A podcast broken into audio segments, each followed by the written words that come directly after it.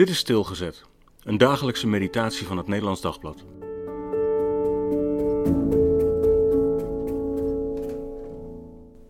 Alleen staan. 2 Samuel 3, vers 2 en 3.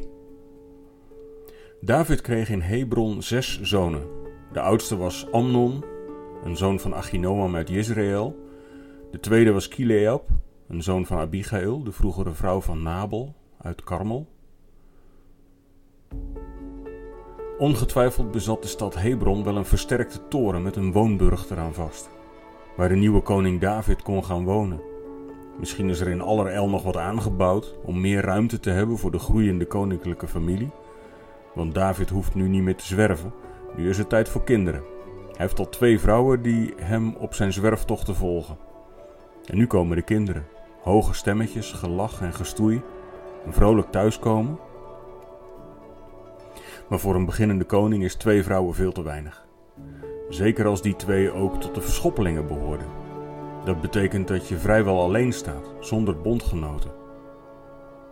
Had David het daar toch maar bij moeten laten?